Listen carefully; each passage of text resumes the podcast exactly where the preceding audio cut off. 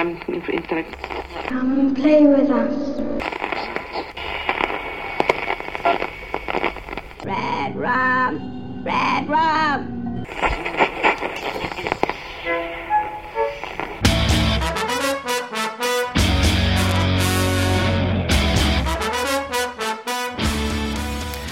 Witam Was, kochani, bardzo serdecznie w kolejnym odcinku podcastu Radio SK i kolejnej audycji z cyklu QA, rocznicowe QA na 10 lat podcastu Radio SK, sklepik z pytaniami, część 14.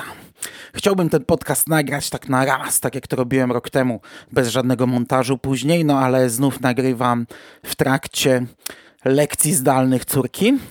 Tym razem w ten poniedziałek odbywają się wszystkie, no ale już druga trwa. Skończy się za 30 minut, więc pewnie będzie jakaś przerwa, bo jednak chciałbym e, jak najwięcej tych pytań dzisiaj zaliczyć, bo trochę ich wysłaliście, a no, miałbym takie życzenie, by jednak w trzech podcastach się zamknąć. Na wstępie Chciałbym również podziękować za komentarze pod poprzednim odcinkiem, e, których wysypało się całkiem sporo jak na moje standardy i za miłe słowa, za życzenia, za miłe słowa od Was. Fajnie się to czyta. E, no, to tyle. Dzięki. Dzięki bardzo. Natomiast dzisiaj już nie segregowałem tych pytań jakoś tematycznie, tak jak w poprzednim e, podcaście, tylko będę leciał przez nie chyba do momentu, aż e, stwierdzę, że e, kończymy. Na samym początku może troszeczkę pogrupowałem, bo trochę pytaliście o YouTube i o materiały wideo, więc to sobie jakoś tam ułożyłem mniej więcej, ale to jest kilka pytań, a potem już przejdziemy do skakania po tematach. No i zaczynamy. Mm, Łukasz84 na Instagramie napisał: Gratuluję jubileuszu. Bardzo dziękuję, Łukasz84. I zapytał, czy planujecie więcej nagrań wideo, żeby było widać rozmówców. Szymon na Facebooku napisał: Byłoby mega, gdybyście poszli w wideo. Planujecie? Rozważacie? Natomiast Maciej na Facebooku napisał: Czy planujecie QA w formie live na Facebooku i YouTubie? Czy tam na Facebooku lub na YouTubie. No akurat to ostatnie pytanie to niekoniecznie o wideo, bo, bo, bo w końcu live można robić w formie audio, więc, ale, ale tak naprawdę podepnie się to e, pod odpowiedź na te wszystkie pytania. Ja bardzo bym chciał robić wideo. Nasze nagranie na setkę wiadomości z martwej strefy było takim nagraniem testowym, czy będziemy umieli to zrobić, no i było już takim, wiecie, jak, jak to mamy w zwyczaju. Zamiast spróbować coś na, na lajcie, na lekko, to, e, to na pełnej mm, pompie w to weszliśmy i, i zrobiliśmy e, coś większego. E, no ale to pokazało, że da się, nie? że to wcale nie jest takie trudne. Ja od razu zaplanowałem sobie sporo wideo. Miałem w planach omówić jeden komiks wideo, tak żeby pokazywać wam fajne rzeczy przy tym, żeby to nie była tylko gadająca głowa. Chciałem omówić albumy filmowe, bo to też można pokazać wiele fajnych rzeczy i naprawdę miałem duże plany. Duże plany i, i możliwości na nagranie tego. I drugi mój test to był kanał z córką, o co też zapytał nas, e, mnie w sensie, e, grubi.pl na YouTubie, kiedy kolejny filmik na kanale Bodzia.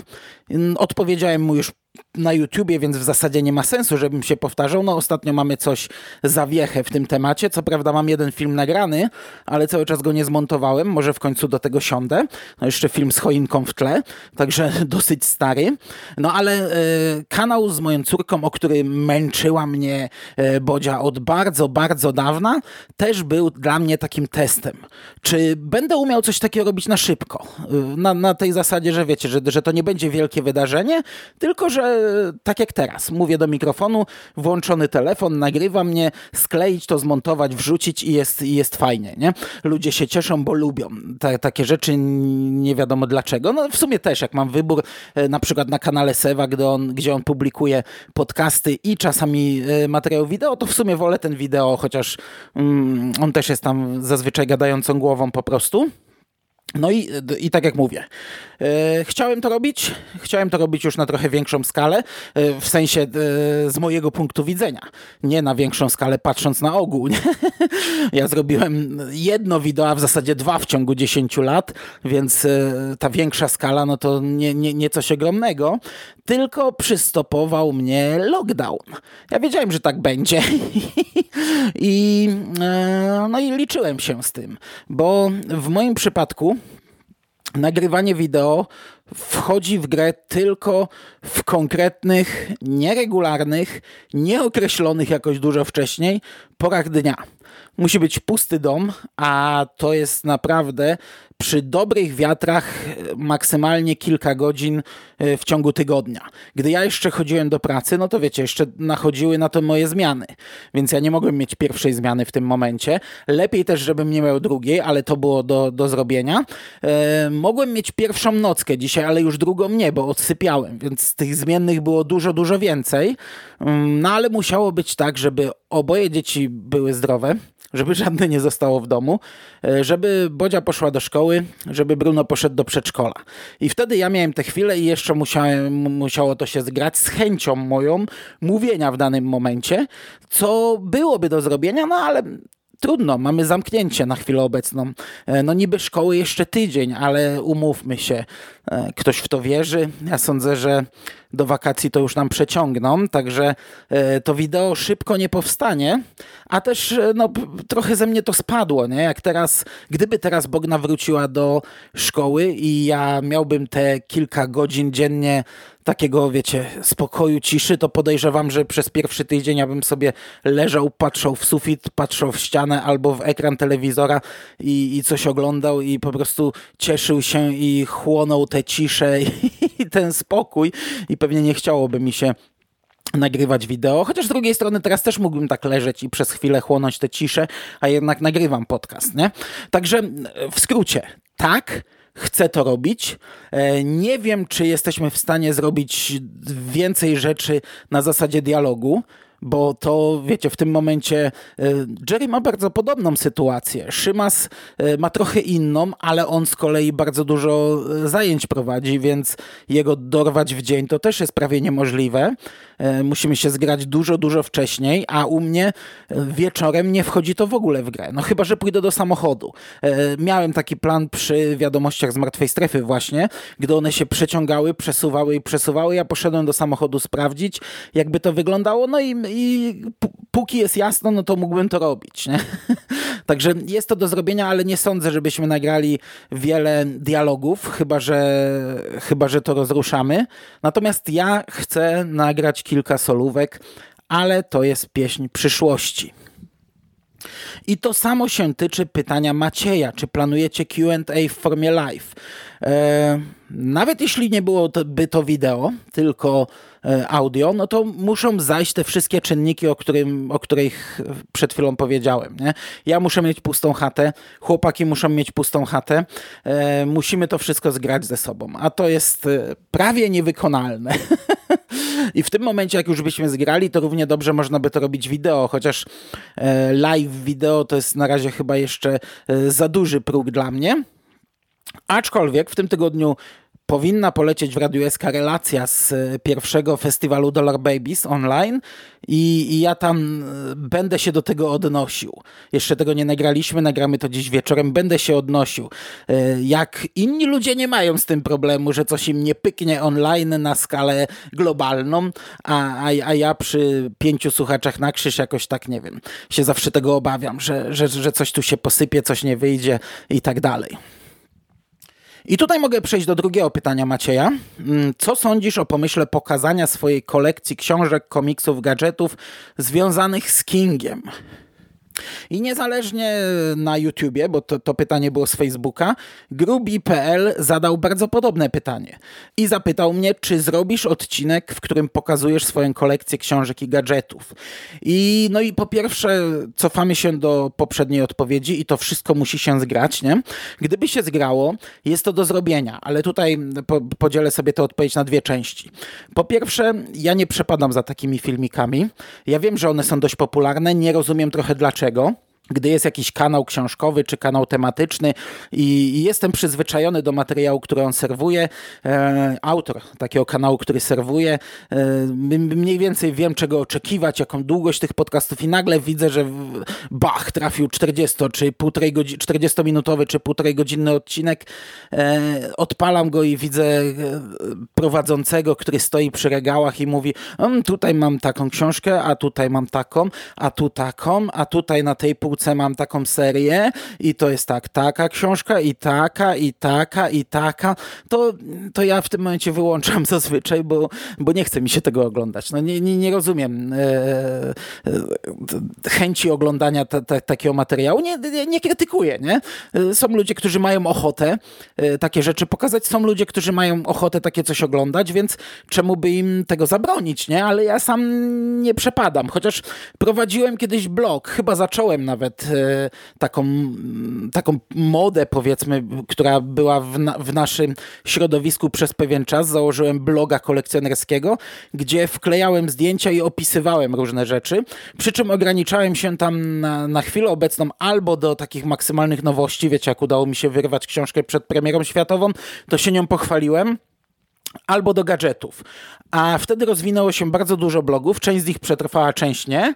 E, między innymi Burial miał też przecież bloga Kingowca, który był tylko kolekcjonerski, a potem rozwinął to w stronę o Kingu, gdzie ta część kolekcjonerska nadal jest, ale jest e, marginesem powiedzmy. Trzeba się tam dogrzebać do tego. E, Nobody Fun, taki nasz kolega z forum jakiś czas temu, też ma bloga, Zbieranina. To jest bardzo dobry blog pod tym kątem, bo on ma wszystko. On ma dosłownie wszystko, co wyszło w Polsce. Także jak chcecie sobie zobaczyć, jak wyglądają kolejne wydania danej książki, możecie to zrobić na stevenking.pl, ale tam mamy po prostu miniaturki okładki, a on ma, wiecie, zdjęcia. Zdjęcie okładki, zdjęcie grzbietu, zdjęcie tylnej okładki, rozłożonej książki i dosłownie wszystko, co wyszło w Polsce, tam znajdziecie. Także pod tym kątem to jest najlepszy blog. No ale wiecie, no nie trzeba oglądać w tym momencie 40-minutowego czy dwugodzinnego filmiku, gdzie on to pokazuje, tylko szukamy danej rzeczy i ją znajdujemy. Yy, natomiast wracając do filmu z kolekcją, to była jedna rzecz, że ja może za tym nie przepadam, Druga rzecz, że faktycznie mam dużo rzeczy, z których mógłbym zrobić ciekawe filmiki. Nie na zasadzie, wiecie, tu jest taka książka, a tu taka, a tu taka, a tu Pruszyński, a tu Pruszyński drugie wydanie, a tu Pruszyński trzecie, bo to jest bez sensu, nie? Ale mam zarówno książek, jak i komiksów, jak i gadżetów e, sporo, które mógłbym pokazać. Nadal uważam, że takie zbiorcze mm, filmiki to, to nie jest dobre, bo, bo, no, no bo co, no, no, y, oglądać pół godziny i, i, nie wiedzieć, co ja tam pokazuję. Mm, ja, ja bardzo na przykład lubię y, unboxingi na, na YouTubie albo w ogóle pokazanie czegoś. E, to są filmiki, które czasem są bez sensu, nie? Oj, przyszła do mnie paczka, rozcinam ją, o, dostałem taką książkę, patrzcie, jaką książkę dostałem, nie? E, teoretycznie bez sensu, ale ja lubię czasami wyszukać sobie E, nawet jak nie ma w Polsce, to gdzieś zagranicznie, żeby zobaczyć, jak wygląda dana książka, jak wygląda grzbiet, jak wygląda tylna okładka, e, jak wygląda cały layout czy środek. I, i też w przypadku gier planszowych bardzo to lubię. Zanim sięgnę po grę, to szukam sobie jakiegoś szybkiego unboxingu. Nawet nie tyle obchodzi mnie recenzja, chociaż to też może później, albo jakieś omówienie tego, jak funkcjonuje gra i do kogo jest skierowana, ale bardzo często chcę zobaczyć, co jest w środku żeby wiedzieć, czy zainwestować w tę grę, bo, bo, bo to już będzie taki pierwszy czynnik, który może mnie do tego przekonać. No ale to szukam, wiecie, pojedynczego filmiku. Niech on trwa minutę albo maks 3 minuty, a nie więcej. A tutaj raczej jakbym coś nagrywał, to bym sobie e, posegregował takie rzeczy i pewnie to by były e, spółgodzinne filmiki. I tak sobie pomyślałem nawet, no bo to tylko w wersji wideo miałoby rację bytu, w wersji audio nie. I w poprzednim podcaście z tego cyklu zastanawiałem się, co mógłbym zasugerować, co, co, co mógłbym e, zaproponować patronom. No to, no to jest taka rzecz, którą faktycznie mógłbym zaproponować. Nie? E, sam nie czułbym się z tym źle, że to nie trafia na bloga Radia SK, bo to i tak by nie trafiło na bloga Radia SK, bo to nie jest podcast, a na blogu Radia SK są tylko podcasty, a byłby to taki materiał ekskluzywny, dodatkowy, który mógłby być gdzieś tam dla kogoś skierowany, nie? Przy czym nie rzucajcie jeszcze we mnie pomidorami, to jest tylko taka luźna myśl tutaj sobie rzucona. I, i jak już o niej mówię, to e, Pat Bar na YouTubie wspomniał, że według niego byłoby żenujące robić materiały ekskluzywne, jeśli e, patrona z patronatu dostawałbym jakieś grosze. Co innego, jeśli wspierałaby cię duża grupa ludzi. No i to jest to, o czym, to, znaczy to, to może nie jest to, o czym ja mówiłem, bo, bo ja mówiłem, że w ogóle nie palę się do robienia materiałów ekskluzywnych, ale też przypomniałem sobie już po nagraniu i po twoim komentarzu, że przecież Patronite ma progi, więc oczywiście, jeśli to by były trzy osoby wpłacające e, równowartość trzech kaw, no to nie robiłbym materiałów ekskluzywnych, bo przecież, żeby w ogóle dojść do materiałów ekskluzywnych, trzeba tam osiągnąć jakiś próg, nie? E, więc tak, masz rację.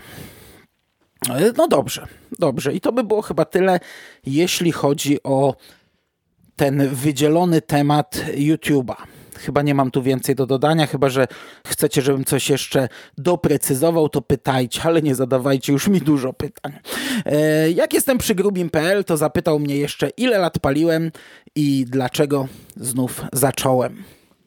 Tu muszę cichutko, sprawdzę, czy, czy córka nie wyszła.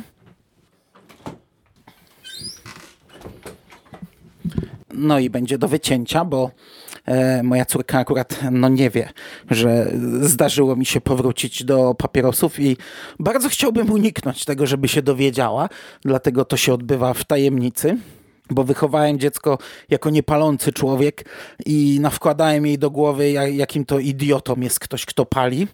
Mm, no i nawkładałem jej to skutecznie. Także absolutnie nie róbcie tego nigdy, ale e, gdybyście chcieli, żebym skutecznie rzucił palenie, to wystarczy powiedzieć to mojej córce i wtedy rzucę. Mówię to od iluś tam lat już, że gdyby się dowiedziała biedaczka, to to już ona by mnie z tego wyciągnęła. E, a ja bym wtedy pewnie wyszedł z tego. E, ale absolutnie nie. Zostawić moją córkę w spokoju. Dobra, ile lat paliłem? E, zacząłem palić w 1996 roku, jesienią. Zacząłem wtedy drugą klasę liceum. Przez całe życie byłem antypalaczem. Pierwszego papierosa z zaciąganiem zapaliłem pod koniec pierwszej klasy liceum. Ja pierwszą klasę zawaliłem. Zawaliłem koncertowo to był chyba taki wiek dojrzewania, że coś się posypało. E, wtedy też się tam mocno zakochałem, tak chyba chyba pierwszy raz, nie licząc tych tam dziecięcych e, miłości i w ogóle mi się wszystko popieprzyło i, i my się obudziliśmy naprawdę z ręką w nocniku. Już była późna wiosna, moją matkę wezwali do szkoły. Wcześniej nie wiem czemu nie informowali o tym, gdzie moja matka była nauczycielką i, i tym bardziej chyba powinni e, pewnie szybciej zadziałać e, w tym temacie, biorąc pod uwagę, że to koleżanka po fachu. I nagle moja matka się dowiedziała, że ja w zasadzie z każdego przedmiotu mam po 3-4 gołe jedynki i w zasadzie z wszystkiego jestem zagrożony.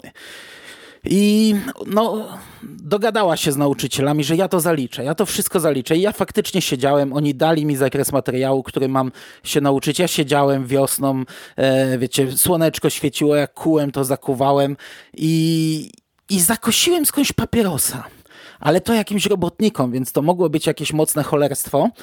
I poszedłem sobie na strych i wtedy stwierdziłem, Ej, a ja wiem, że to jest późno, że ja miałem w tej 15 lat, nie w tym momencie. To dla dzisiejszych 15, 15-latków może wydawać się durne, ale to były inne czasy. Ja sobie tak pomyślałem, ty, a co by było, jakby ten dym wciągać do środka, do płuc? Nie wiedziałem wcześniej, że w ogóle tak się pali, naprawdę autentycznie tak było. E, zaciągnąłem się kilka razy, zszedłem po prostu z tego strychu jak, jak pijany. E, chociaż wtedy jeszcze chyba, nie, już byłem po, po, po pierwszej próbie alkoholowej ale schodziłem jak pijany, nie byłem w stanie się utrzymać na nogach, e, położyłem się na łóżku, myślałem, że zwymiotuję, nie byłem w stanie się uczyć dalej, leżałem nieprzytomny i, i wtedy sobie powiedziałem, że nigdy więcej, nigdy więcej. E, kilka razy tak, jeszcze później w przyszłości na studiach raz też coś takiego odwaliłem, ale to już e, z, z trochę innymi, mm, z trochę inną rzeczą. Też w ostateczności, dzień przed egzaminem, e, no widać na starość wcale ten rozum nie przychodził, a przyszedł bardzo późno. E, no i faktycznie jeszcze nie paliłem jakiś czas, a potem zacząłem drugą klasę, zacząłem bardziej punkować, zacząłem chodzić do knajpy, na koncerty i zaczęło się popalanie palenie.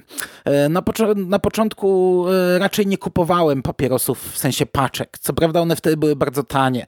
To była równowartość dzisiejszego złoty 50 do 2 złotych.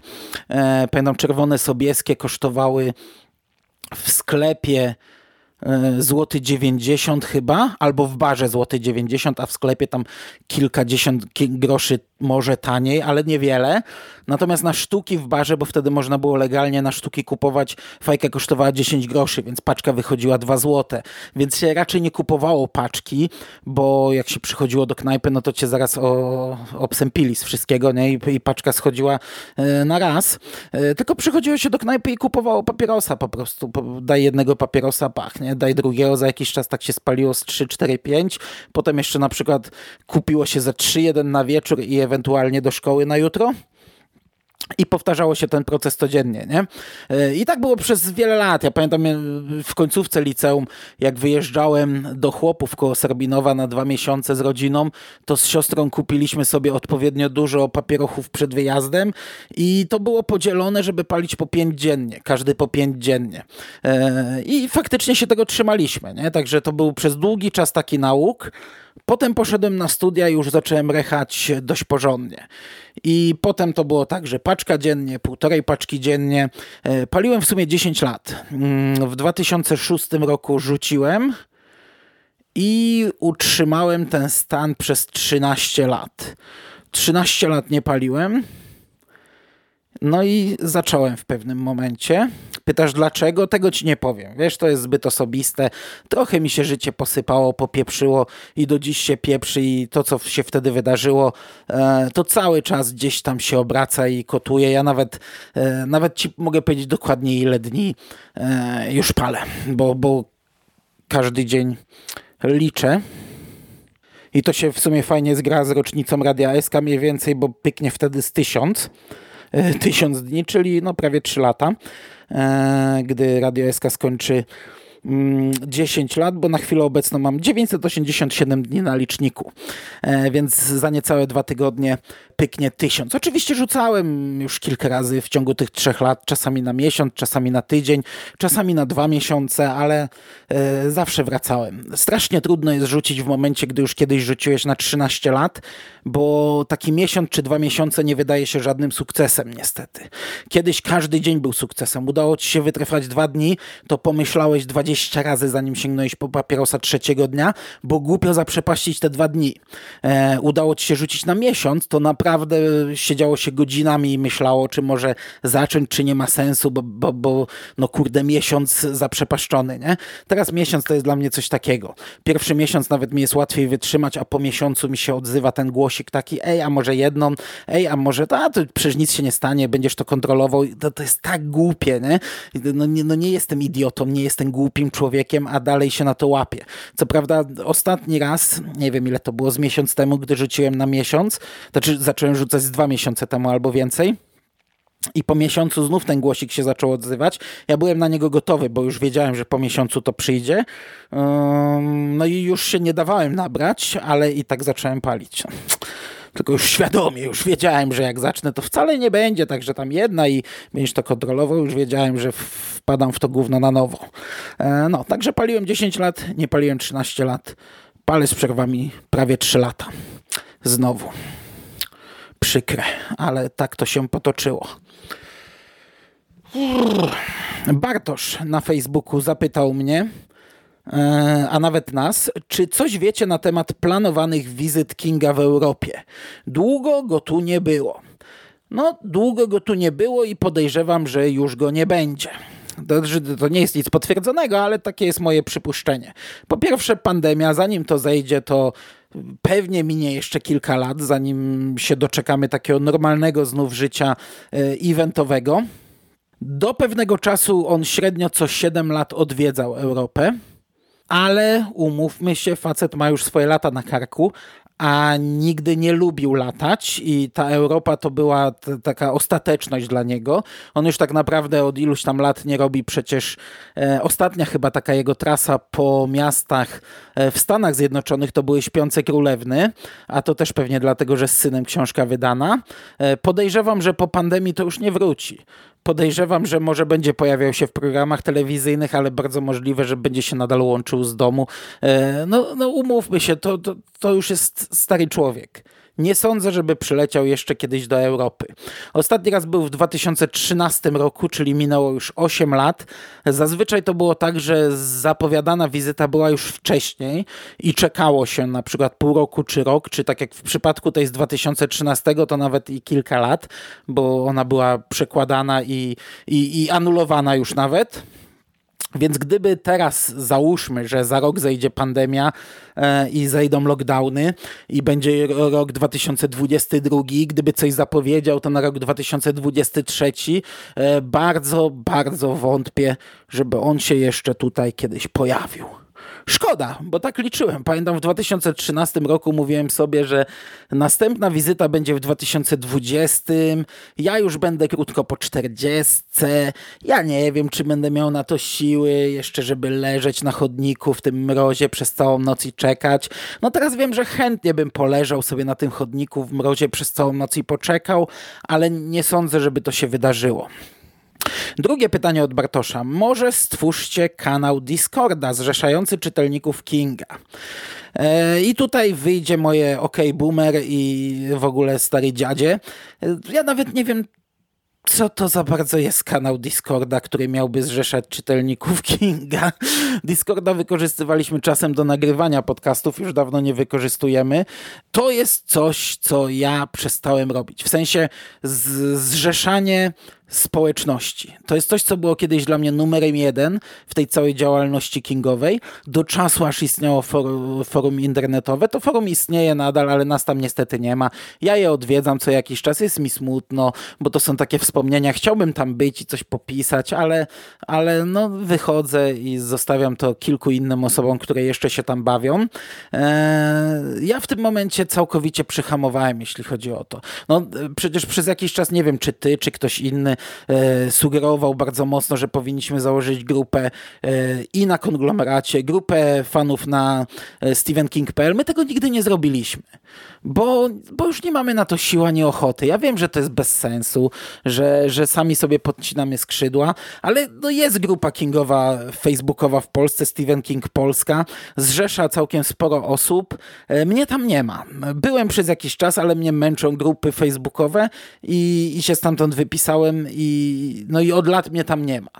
Co prawda, no może bym mógł sprawdzić, teraz już mnie aż tak te grupy nie męczą, do kilku się zapisałem i nie jest tak źle, no ale na chwilę obecną mnie tam nie ma, nie? Ktoś inny się tam bawi i ktoś inny to robi. I to jest też ten kawałek tortu, który ciężko mi wyciąć, bo Mówiliśmy o tym w poprzednim podcaście, jak, ty znajduj, jak ja znajduję na to czas, nie? Na, na, na, na, na życie rodzinne, na pracę, na nagrywanie tyle podcastów, na czytanie tylu rzeczy. No i właśnie no, coś kosztem czegoś. Nie? Gdybym się miał bawić w zbieranie znów, w jakieś tam e, zrzeszanie e, społeczności kingowej, E, to byłby jakiś fragment czasu, który musiałbym na to poświęcić, kosztem czegoś. Nie?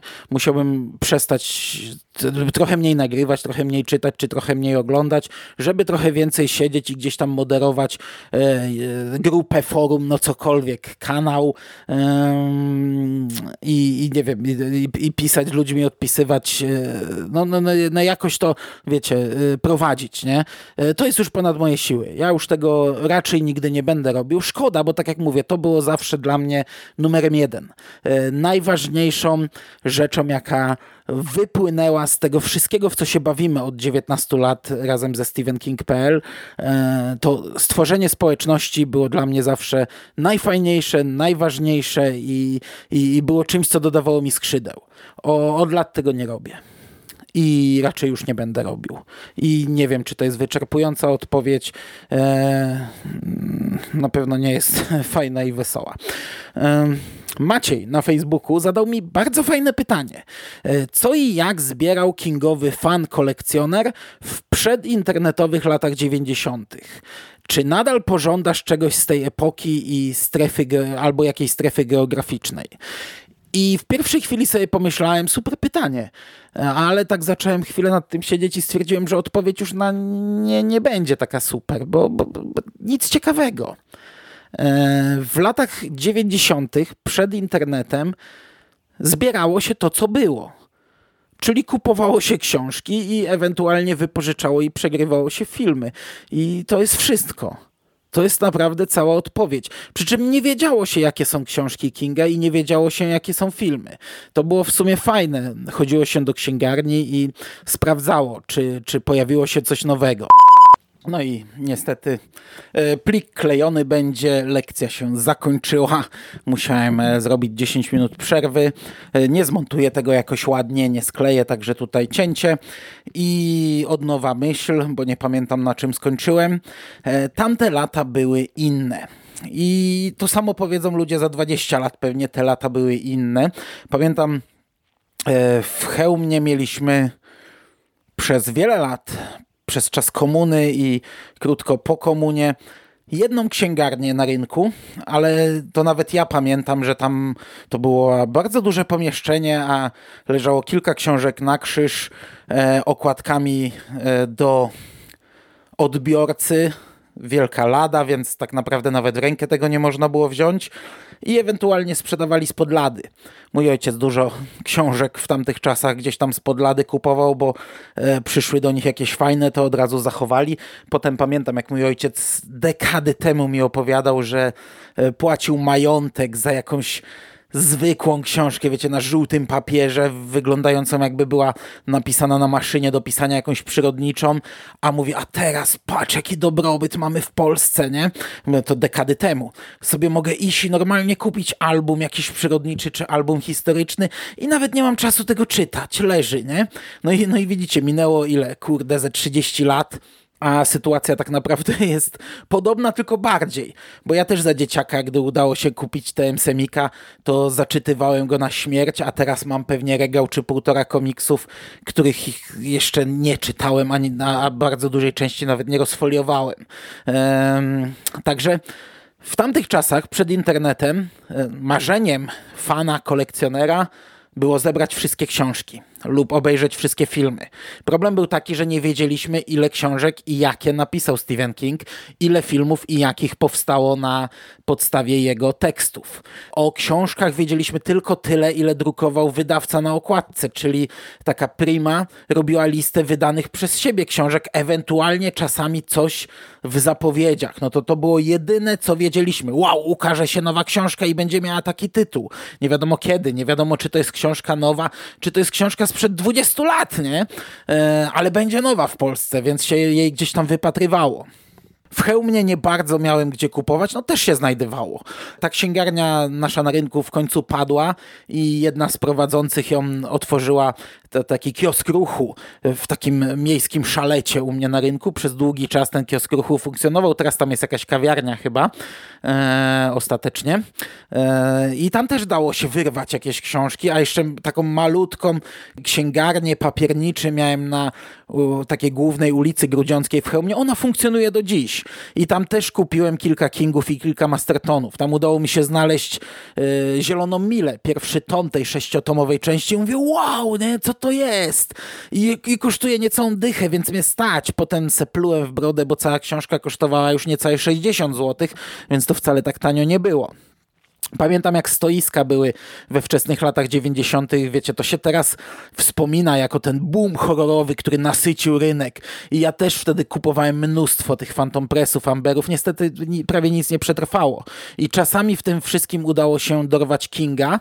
I tak na przykład znalazłem Wielki Marsz. Czytałem sobie w Chłopach byłem, bo Chłopy to jest taka miejscowość, w której ja spędziłem e, bardzo dużą część życia. Koło Mielna, Sarbinowa, koło brzegu. Miałem tam domek, ten domek e, został ostatecznie zburzony dopiero w tym roku, a pierwszy raz tam spędziliśmy wakacje chyba w 91 i przez lata spędzałem tam całe wakacje i były konkretne dni, kiedy ustawiały się stoiska w konkretnych miejscach. Ja już wiedziałem, w jaki dzień, w którym miejscu chodziłem, kupowałem książkę. Codziennie kupowałem jakąś książkę i udawało się znaleźć też jakiegoś Kinga czasami. I pamiętam, czytałem to pierwszy albo drugi raz, więc byłem zachwycony. Po, poszedłem sobie do Sarbinowa, przechodzę obok stoiska, patrzę, Wielki Marsz, napisane jako Richard Bachman, pierwsze wydanie CIA Books.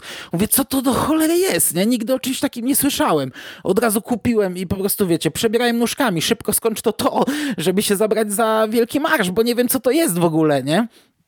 I, I, tak to wtedy wyglądało. Ja jeździłem do e, Torunia bardzo często, jak byłem w liceum. Tam też nie było żadnych, wiecie, wielkich księgarni, wielkich empików sieci. E, była jedna fajna księgarnia, nazywała się Hobbit.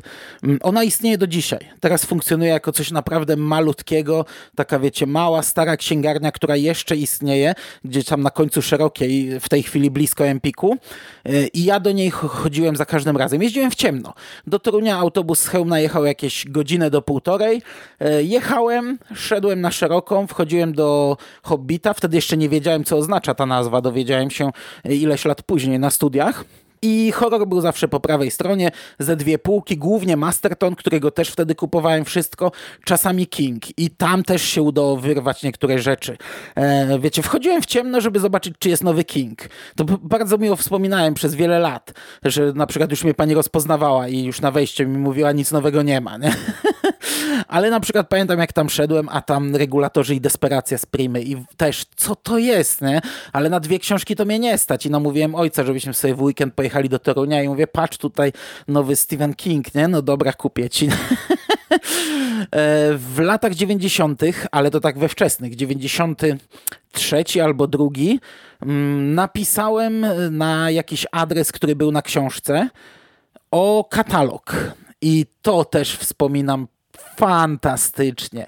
Bo to wiecie, napisałem normalny list, zakleiłem w kopercie, wysłałem.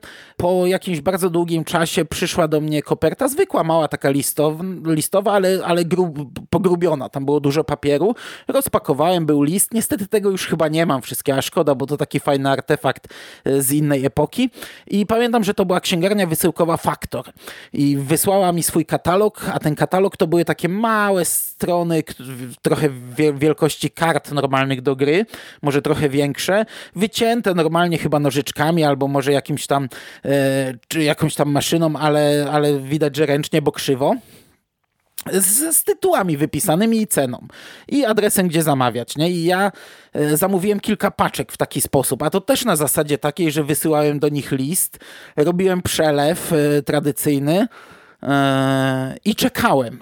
I, I, pamiętam, pierwsza paczka to w ogóle do dziś w mojej wyobraźni to jest jako największe moje zamówienie, które kosztowało chyba tylko stówę, ale że te książki były po złotówkę, po dwa złote, e, ewentualnie po pięć, no to tych książek się trochę tam zmieściło.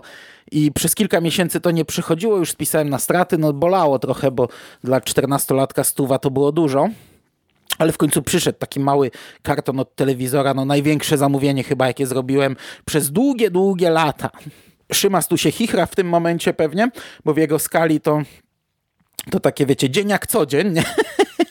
ale, ale no to też fajne było I, i, i zamawiałem w taki sposób książki i no, no, no i tak jak mówię, to, to można, na, na, to pytanie twoje można odpowiedzieć sentymentalnie, można trochę powrotu do przeszłości, ja bym mógł tak mówić i mówić pewnie i moglibyśmy cały odcinek o tym nagrać, ale ogólnie to kolekcjonerstwo, no to nie istniało.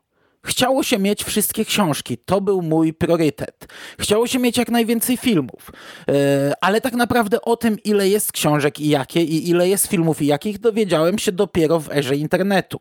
My mieliśmy dość szybko internet w domu. Moja mama yy, załatwiła, kupiła. Ja nie wiedziałem wtedy, co to jest. Po cholerę nam to w ogóle przez modem się połączyliśmy. Mama mówi, no patrz, tu masz stronę, możesz sobie coś wpisać i wyszukać. Mówię, no ale co wyszukać? Jak? Bez sensu, po co? Nie? No i wpisałem Stephen King i pamiętam, tam trafiłem na jakąś stronkę taką zwykłą, jedną pojedynczą z listą filmów i mówię, wow, nie, o wow, i, i i patrzę, o wow, i pamiętam, na, na, najlepiej z tego zapamiętałem, trzy części czasami wracają, bo te tytuły mnie tak rozbawiły. Mówię, jakie one są fajne, jakie one są przeurocze, nie? Czasami wracają wielokropek znowu, czasami wracają wielokropek po więcej, nie? No mówię, rewelacja, nie? Fantastyczne. No i, i, mm, i tak naprawdę książki to chyba pamiętam, kiedy udało mi się zdobyć wszystkie, ale to był początek już XXI wieku, kiedy odkryłem Allegro. I odkryłem Allegro i ostatnie dwie książki, czy jedną, Oczy Smoka na pewno, a chyba jeszcze coś tam było, udało mi się kupić i po prostu jak wariat wtedy, nie? Już wpisałem stówę, ale siedziałem gdzieś tam na zajęciach, czekałem, a wiedziałem, że aukcja się skończy za dwie godziny. Pisałem do siostry, mówię, wpisz dwie stówy, wpisz. ja biedę klepałem wtedy, nie? No umówmy się, no te, te, taką kasę na książkę wydać, ale mi się wydawało, że wow, nie? Jest do kupienia książka, której nie, nie, nie, nie miałem nigdzie w ogóle możliwości kupić i nigdy nie będę miał. I wydawało mi się, że to, nie wiem, pół świata się na nią rzuci, nie? Tam nikt nie licytował. Poszło za, za dychę dwie czy trzy, nie wiem. E, no, także udało się to osiągnąć dopiero, gdy był internet, a filmy, no to, to jeszcze kilka lat później. Dopiero gdy był internet już na taką skalę, że byli ludzie, którzy mogli sobie ściągać filmy. I gdy ruszył ten drugi, ta druga fala piractwa, pierwsza internetowego i wymiana DivXów na forach internetowych, gdzie ludzie wklejali swoje listy w Excelu i wymieniali się płyta za płytę. I dopiero wtedy udało mi się skompletować wszystkie ekranizacje i dopiero wtedy udało mi się obejrzeć je. Wcześniej dostęp był tylko do tego, co jest e, w wypożyczalniach wideo w danym mieście. Wszystko to miałem wypożyczone, od pewnego momentu wszystko to miałem przegrane. Miałem swoją kolekcję kaset, zrobiłem swoje naklejki, proste, tam wiecie, na maszynie napisałem na kartce w kratkę, przyciąłem ją, przykleiłem, wziąłem taśmę klejącą, którą nakleiłem na to i mocno przy, docisnąłem, yy, także, o, także to wyglądało jakby było tak zalaminowane yy, skalpelem czy mm, żyletką przyciąłem równiutko w koło, także wyglądało prawie jak oryginalne, nie? I miałem taką kolekcję e, filmów Kinga, nie wiem ile, tam kilkanaście, bo robiłem też swój katalog, więc ta, listę spisywałem te tytuły. I tak to wyglądało. Wiecie co, właśnie córka mi przeszkodziła, że mają koniec lekcji, więc e, na tym pytaniu będę kończył. Pytasz jeszcze, czy pożądam nadal czegoś z tej epoki e, lub strefy geograficznej? Odpowiedź prosta, nie. Ja raczej nie zbieram VHS-ów. E, po pierwsze, nie mam ich na czym oglądać, chociaż od wielu lat chcę kupić wideo, ale nie wiem, jak się za to zabrać. No, na, w internecie, na aukcjach, to, to, to w zasadzie wszystkie aukcje wyglądają tak, że mam tu wideo, ale nie wiem, czy działa. Mm, musiałbym gdzieś, nie wiem, z kimś się skontaktować, kto ma sprawdzone źródła i, i sobie kupić. Bardzo chcę mieć wideo w domu i, i wtedy może niektóre rzeczy bym zbierał i, i sprawdzał jeszcze, jak to wygląda, czy to się da oglądać, ale tak to mam kilka kaset raczej przysłanych przez znajomych. E, Sik przysłał mi Ucznia Szatana, o czym wspominał w podcaście o Uczniu Szatana. Guzes z takiej strony Star Wars Retro. E, ta strona już może nie istnieje, ale na Facebooku na pewno istnieje e, kolega, który zbiera gadżety z tamtego okresu związane z Gwiezdnymi Wojnami. Przysłał mi kiedyś Dzieci Kukurydzy 2, bo znalazł gdzieś na VHS-ie. Mam jeszcze może ze dwie VHS-ki. Mm, raczej tego nie zbieram. Książki z tamtej epoki kingowe, no to mam wszystkie. Gadżetów w Polsce nie było. Jest fajna rzecz i to jest naprawdę bardzo fajna, ale to mam kupione. Światy Stephena Kinga. Takie, bro, taka broszurka zrobiona z okładką, którą mam w koszmarnym stanie, no ale jest. I w środku pięć książeczek napisanych na maszynie, skserowanych. E, są tam dwa, jedno opowiadanie, chyba fragment Kerry i, i takie różne, różna publicystyka. To jest fantastyczna rzecz, no ale to mam. Gdybym tego nie miał, to bardzo bym chciał to mieć. E, może mm, chciałbym mieć e, magazyny, pisma z tamtych lat, e, no to bym chciał mieć, tak. To jest to, co bym chciał mieć. Przez jakiś czas starałem się zbierać wszystkie e, magazyny, w których ukazało się opowiadanie, bo artykuły aż tak mnie nie interesowały. E, opowiadanie Stephena Kinga. I te od pewnego czasu mam wszystkie ale na przykład kiedyś dobry znajomy taklem e, wkleił mi zdjęcie, taką miniaturkę e, czegoś, co było wydane gdzieś tam w latach pewnie 90. albo wcześniejszych w ramach jakiegoś konwentu w Polsce. Nie pamiętam teraz, co to jest. Gdzieś mam to zdjęcie w internecie, to jest do, do, do znalezienia bez problemu i tam było opowiadanie Stephena Kinga. Mm, no i to jest nie do zdobycia raczej. Mam na przykład kwazary wydane w latach 80., w 86, chyba oba, z Bugimenem i z Dziećmi Kukurydzy, ale na przykład w 87 były wydane e, radary. Tego nie mam. E, radar numer jeden e, z tego roku, a 622 chyba w ogóle radar numer 18 z tego roku, numer 19 i numer 20. I tam też był e, Tygrys tu, Tygrys tam oraz e, procesor, te, procesor tekstu, edytor tekstu w tłumaczeniach Agnieszki i Krzysztofa Sokołowskich. A wiem, że to istnieje, bo wiem, że komuś udało się to kupić, chyba Burialowi gdzieś tam na Allegro czy gdzieś. Ale to jest chyba wszystko. Chyba wszystkie pozostałe magazyny yy, mam, kończąc na Playboyu, przechodząc przez Feniksy, właśnie te światy Stephena Kinga, ballada o celnym strzale z fantastyki, yy, Nocna zmiana w fantastyce, ale to był chyba wstęp i taki magazyn Literatura z 87 roku, gdzie znalazło się Nona. To też mam. Tylko tych radarów mi brakuje z tego, co widzę i, i to jest faktycznie coś, co bardzo bym chciał mieć.